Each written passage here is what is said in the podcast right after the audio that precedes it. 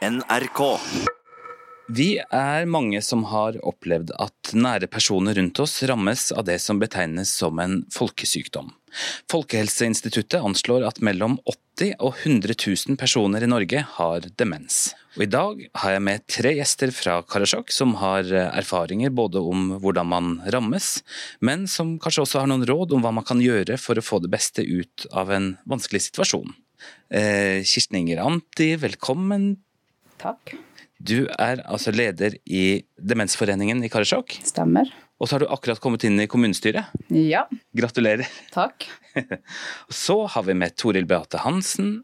Du jobber i NRK Sápmi Ja. og eh, har en akko som er dement. Og legger ut eh, en rekke videoer, bl.a. på Instagram, Ja. for, for å vise litt hvordan dere opprettholder en kontakt. Ja. ja. Så har vi med min tante Kristine, Kristine Gaup Grønmo. Du er her som eh, fagperson og er leder for Utviklingssenteret for sykehjem og hjemmetjenester for den samiske befolkningen i Finnmark Og resten av landet. og resten av landet. Hvorfor er det så stort behov? Eh, Det med å tilrettelegge tjenestene for den samiske befolkningen, det er faktisk en utrolig eh, stor jobb som det er veldig få som eh, tar tak i. Man vet at den samiske kulturen er forskjellig fra den norske. Helt ifra barnehagealder og til ja, altså hele livet. Men likevel så er det sånn at man tenker at det som er gjengs for majoritetsbefolkningen, det gjelder også for den samiske pasienten. Og det er jo sånn da at som samisk pasient må du hele tiden, og jeg tenker særlig i forhold til den eldre, forholde deg til eh, det hjelpeapparatet som en formidler. Og da blir jo dine egne behov underordna. Du må først få til en, en kommunikasjon med den som skal gi deg den hjelpen, før du kan, i det hele tatt kan snakke om hva dine egne behov, hva det skulle være. Mm. Men tenker du da på språklige forskjeller, eller på kulturelle, eller begge deler? Begge deler. For eh, språk er jo ikke bare språk, men det er meningen bak ordene som er viktig. Og da tenker jeg at det er et nasjonalt ansvar. Man har jobba fram eh, å få til en, en sykepleierutdanning i Kautokeino. Den ser jeg veldig fram mot å komme i gang. For da kan hele den utdanninga ha med seg det samiske perspektivet, sånn at alle de som blir utdanna der, får den ekstra dimensjonen. Hvordan er det i Sápmi? Demens, er det tabubelagt? Ja, det tror jeg. Altså, sånn har det jo vært i resten av landet også, men, men særlig i det samiske så tror jeg det er sånn at eh, det samiske samfunnet har jo vært eh, veldig mye primærnæringer. Og da er det jo sånn at kroppen er på en måte redskapen i ditt arbeid. Og når ikke den fungerer, og, og særlig i forhold til det som er eh, harddisken, hodet, feiler det deg noe, så er akkurat det med hodet og alt som har med både psykiske lidelser og, og eh, demens. eh, Litt sånn, det prater man ikke om. Men mens, mens det er lettere å snakke om hjerteproblemer og alle de andre problemene som ikke berører mest hodet. Kirsten Enger, som, som leder i de- Demensforeninga her, hvorfor ønska du å engasjere deg? Ja, det var jo Pappa fikk jo beskjed når han var 63 år at han har fått Alzheimer. Og det var jo selvfølgelig var jo stor sjokk til oss at den eh, kommer på besøk til oss nå. Så sjokk, og han var jo sint de første periodene. Pappaen din har jo vært i reindrifta. Mm. Det å rammes når man er aktiv i reindrifta, hvordan har det vært for en form for overhode? For oss var det jo egentlig at vi mister høvdingen i vår eh, sider. Det var- jo litt hva vi skal gjøre nå, og hvordan skal vi klare det. Han sitter jo med alle informasjonen i, i siden, hvordan man skal gjøre, flytte og, og, og være på vinterbeite også, ikke minst.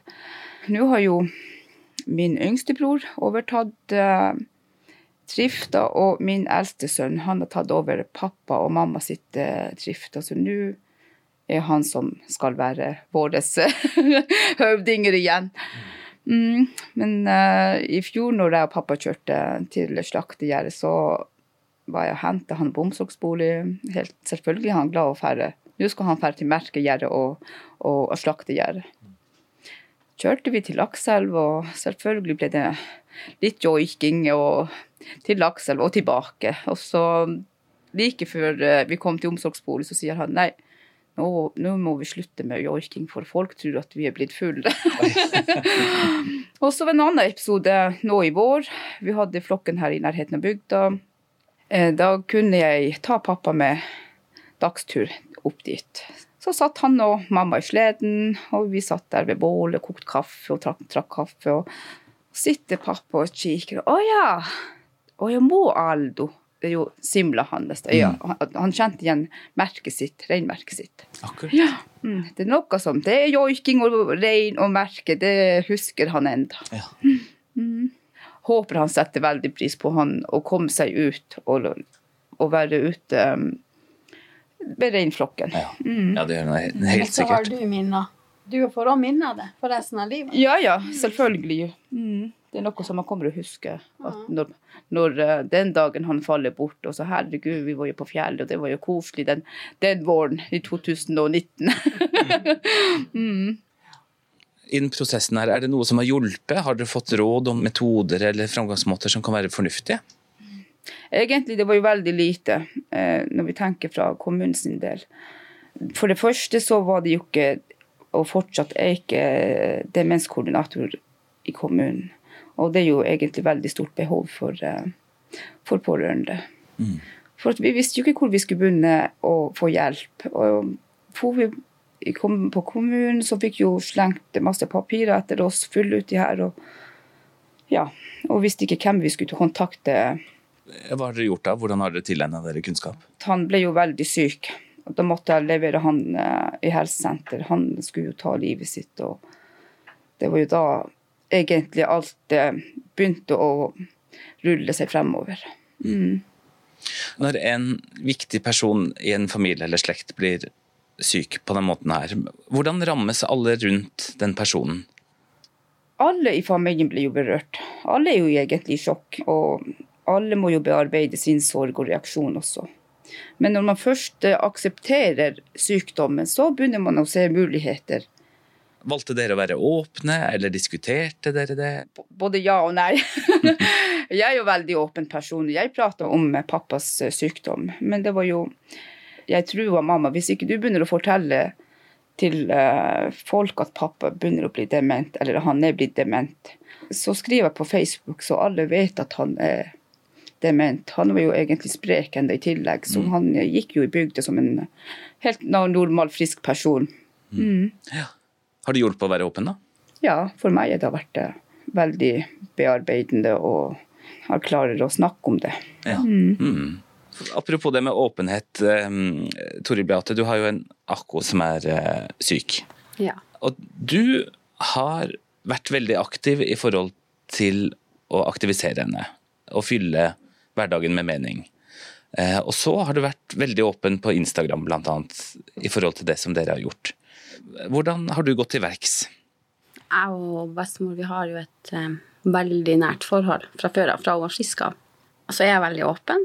Jeg skjønner jo at kanskje det er veldig viktig for veldig mange andre også som for noen i familien sin som blir gammel og dement.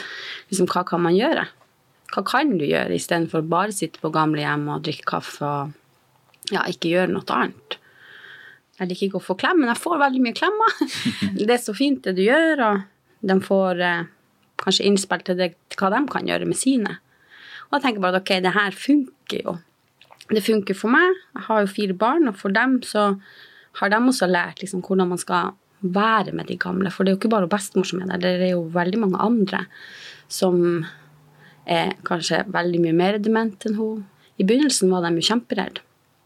Liksom, herregud, mamma, hold meg i handa, mamma er redd, og noen leter etter ungene sine, er det der min unge, eller ja, i det hele tatt. Men nå er de så vant til det. Nå er det helt naturlig for dem også at eh, gamlingene blir gamle, og at de dør. Men hva gjør du for å aktivisere henne, da? Vi prøver å gjøre ting som hun Som jeg tenker at hun husker, og som hun fortsatt kan. Og når hun ikke kan det mer, sånn som å ro dit Jeg vet ikke hva det heter på norsk. Ja, flett eller en knytbarn.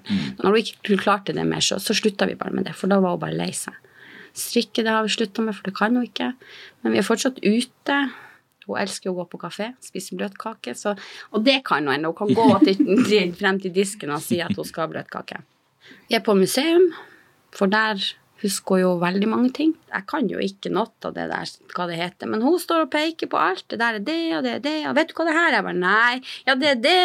Vet du hva det her Nei. Og da er hun sent veldig fornøyd, fordi at da kan hun fortelle meg noe, hun kan lære meg noe mm. som hun kan veldig godt. Ja. Vi prøver å, vi prøver å gjøre det hun kan. Jeg vet ikke, jeg tror kanskje hun aldri har vært i bygda uten kofte. Og nå er hun blitt så gammel at nei, hun trenger jo ikke å ta på seg kofte. Det er ikke så nøye. Hva skal med den kofta? Men jeg tenker at hun har alltid hatt kofte på seg. Og selv om hun er blitt dement, så, liksom, så endrer jo holdninga hennes seg. verdigheten. Liksom. Du ser på hele hun at nå kan hun dra til bygda. Mm. Og det kan hun fortsatt. Hun kan fortsatt kle på seg kofta, tørkle. Eh, hun prøver seg jo hver gang. Men nei, kle nå du på meg tørkle. Jeg bare nei, det der kan du sjøl. Mye bedre enn det jeg kan. Så det der gjør du. Så, så det må hun gjøre sjøl. Så hun må bruke kanutten litt. Hun må tenke seg om.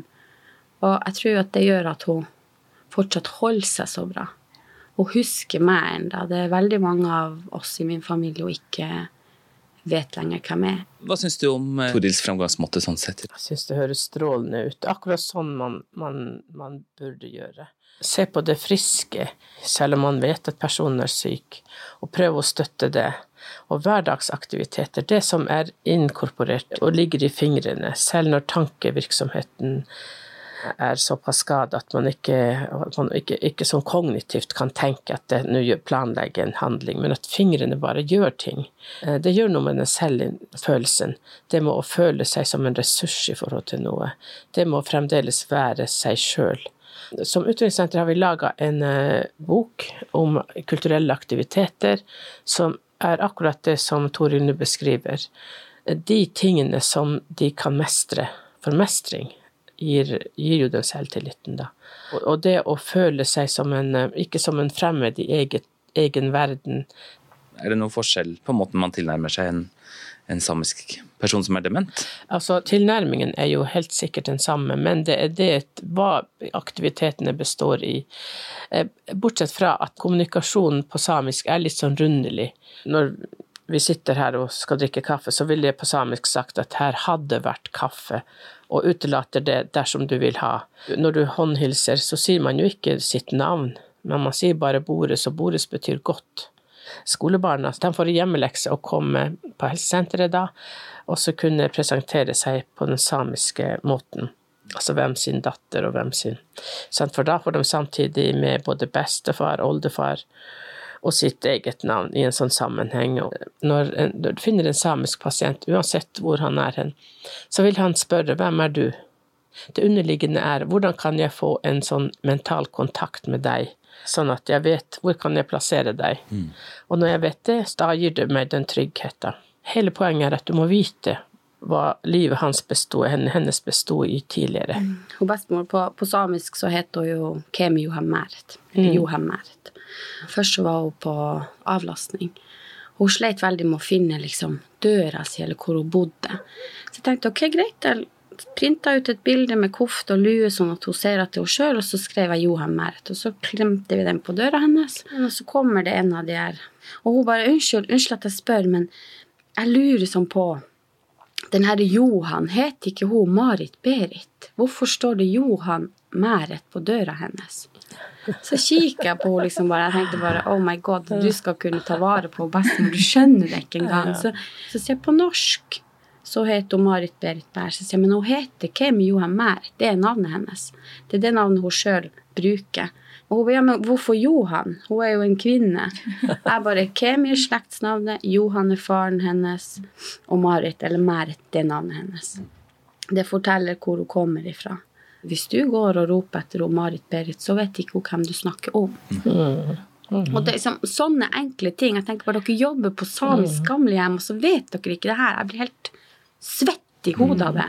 Mm. Det er kjempefrustrerende. Mm. Det er akkurat som de skulle kalt meg for Tordis, liksom. Var, var, det sånn at, at hun ønska å joike?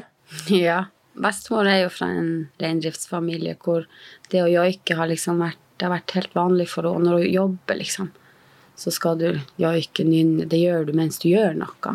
Men hun bor jo sammen med mange andre, og noen av dem er jo helt på den andre sida veldig læstadiansk. Og hun ble, har jo blitt lært opp til at joike er det er synd, det, folk gjør ikke når de er fulle, det der gjør du ikke liksom, ute blant folk. Men jeg syns jo det er veldig viktig. Det er veldig viktig for meg enn å få, få filma det sånn at jeg har det liksom til ettertida. At hun skal få lov å gjøre det som, som for hun er helt naturlig. Jeg prøver å få til joik i stua, men hun bare nei. Vi kan ikke joike her. De, de andre kommer til å bli sinte. Så vi bruker å gå inn på rommet, og der kan hun joike. Og så spør jeg jo da liksom kan du den joiken. Og noen joiker sitter jo enda som eh, Mange ganger så vet du egentlig ikke engang hvem sin joik det er. Så da bruker vi å ringe til mamma. 'Mamma, hør på den her. Hvem sin joik er det her?' Og så får vi svar. Eh, men en av gangene vi snakker om det, så sier jeg til henne 'Men bestemor, hva syns du om det her? Syns du det er synd å joike?' Hun bare 'Nei'. Sier hun joike det er like bra som å synge salmer. Men når hun sa det, så hviska hun jo. Nei, det er like bra som å synge salmer. Fordi, ja, sant. Veldig mange rundt henne mener at det er synd. Eh, vet dere hva, helsepersonellet må vite at um, joik, altså det er jo melodi som alt annet. Når jeg tar vakter på helsesenteret, så pleier jeg å gå til de personene som joiker, for å støtte, for å vise litt at det, det må være lov. Og selvfølgelig er det også sånn type mobbing på institusjoner, er også blant eldre. Og det kan de jo veldig føle på, de som joiker og ikke får lov til det. Og, og hvis man som helsepersonell ikke tar tak i det, da blir det den forståelsen av at det faktisk er både synd og skam og ikke lov å joike. Og da tenker jeg at det er også et standpunkt å ikke gjøre det like, like, godt som det er et standpunkt sånn som det jeg gjør, at jeg faktisk går dit helt inntil den personen som jeg vet joiker, og joiker. For det er jo også en del av min kultur og min oppvekst, og, og at man kan bruke joik som vuggesang. Så hvorfor i verden skulle det på en måte være så merkelig? Mm. Nå sitter vi her i Karasjok, hjertet av Sápmi. Veldig mange samisktalende, og likevel så opplever altså personer på institusjoner at man mangler en helt sånn grunnleggende kulturforståelse. Er, er det her utbredt? Da tenker jeg at det er helsestellet som på en måte må ta ansvaret for det. For kulturforståelse i samfunnet ellers, den kan være hvor god og hvor sterk som helst. Men hvis det ikke blir en del av tjenestene inn på institusjonene, så vil det skurre akkurat som det gjør her. Det er veldig mye bruk av vikarer eh, herfra og derfra, og kulturforståelse den står ikke på dagsorden. Selv om det her er en samisk eh, kommune og et samisk helsevesen, så er vi på en måte helt eh, nødt til å gjøre noe med situasjonen, fordi at det blir som Toril sier, det blir den ikke-samiske holdningen som vinner fram. Da taper jo pasientene på det. Mm. Tenk på alle de her gamle, gamle som, som nå er gamle, de har gått gjennom en knallhard fornorskning. Ja. Og så sitter de på, på gamlehjem med ja, norsker eller hvor de nå er fra, som ikke har peiling. En, de vet ikke at de har gått gjennom den fornorskninga. Mm. De skjønner ikke hvor forferdelig de har hatt det. Og så må de snakke norsk, eller noen snakker til dem på norsk. Og da sitter hun der, for hun har den fornorskninga på en måte igjen. Fordi at det er så mange. Det er så mange der som ikke kan samisk. Mm. Og så sier hun på samisk nå må hun ned. Jeg skjønner ikke hva de sier. Og sånn er hverdagen hennes. Jeg bare igjen i 2019 mhm. så skal hun sitte på gamlehjem, og de forstår ikke kulturen hennes, de forstår ikke eh, hva hun sier, og hun forstår ikke hva de sier, og de skal faktisk være med henne 24-7 når kulturforståelse og, og, viktigheten av den ikke blir tatt med i utdanningene rundt omkring. Det har med Kunnskapsdepartementet, og det handler om eh, både skoler, høyskoler, universitet. At eh, kulturforståelse er på en måte et ikke-fag. Enda det Kultur er jo summen av alt det du har lært opp igjennom, av dyder og verdighet, og alt det som har gjort at du faktisk har overlevd hittil. Så hvorfor i verden skulle ikke det bety like mye når man faktisk også er blitt ramma av en, en, sykdom som gjør at du ikke greier å ta vare på det som er viktig for deg. Turnusen må på en måte ivareta også det kulturelle og det språklige aspektet når, når man setter sammen personell.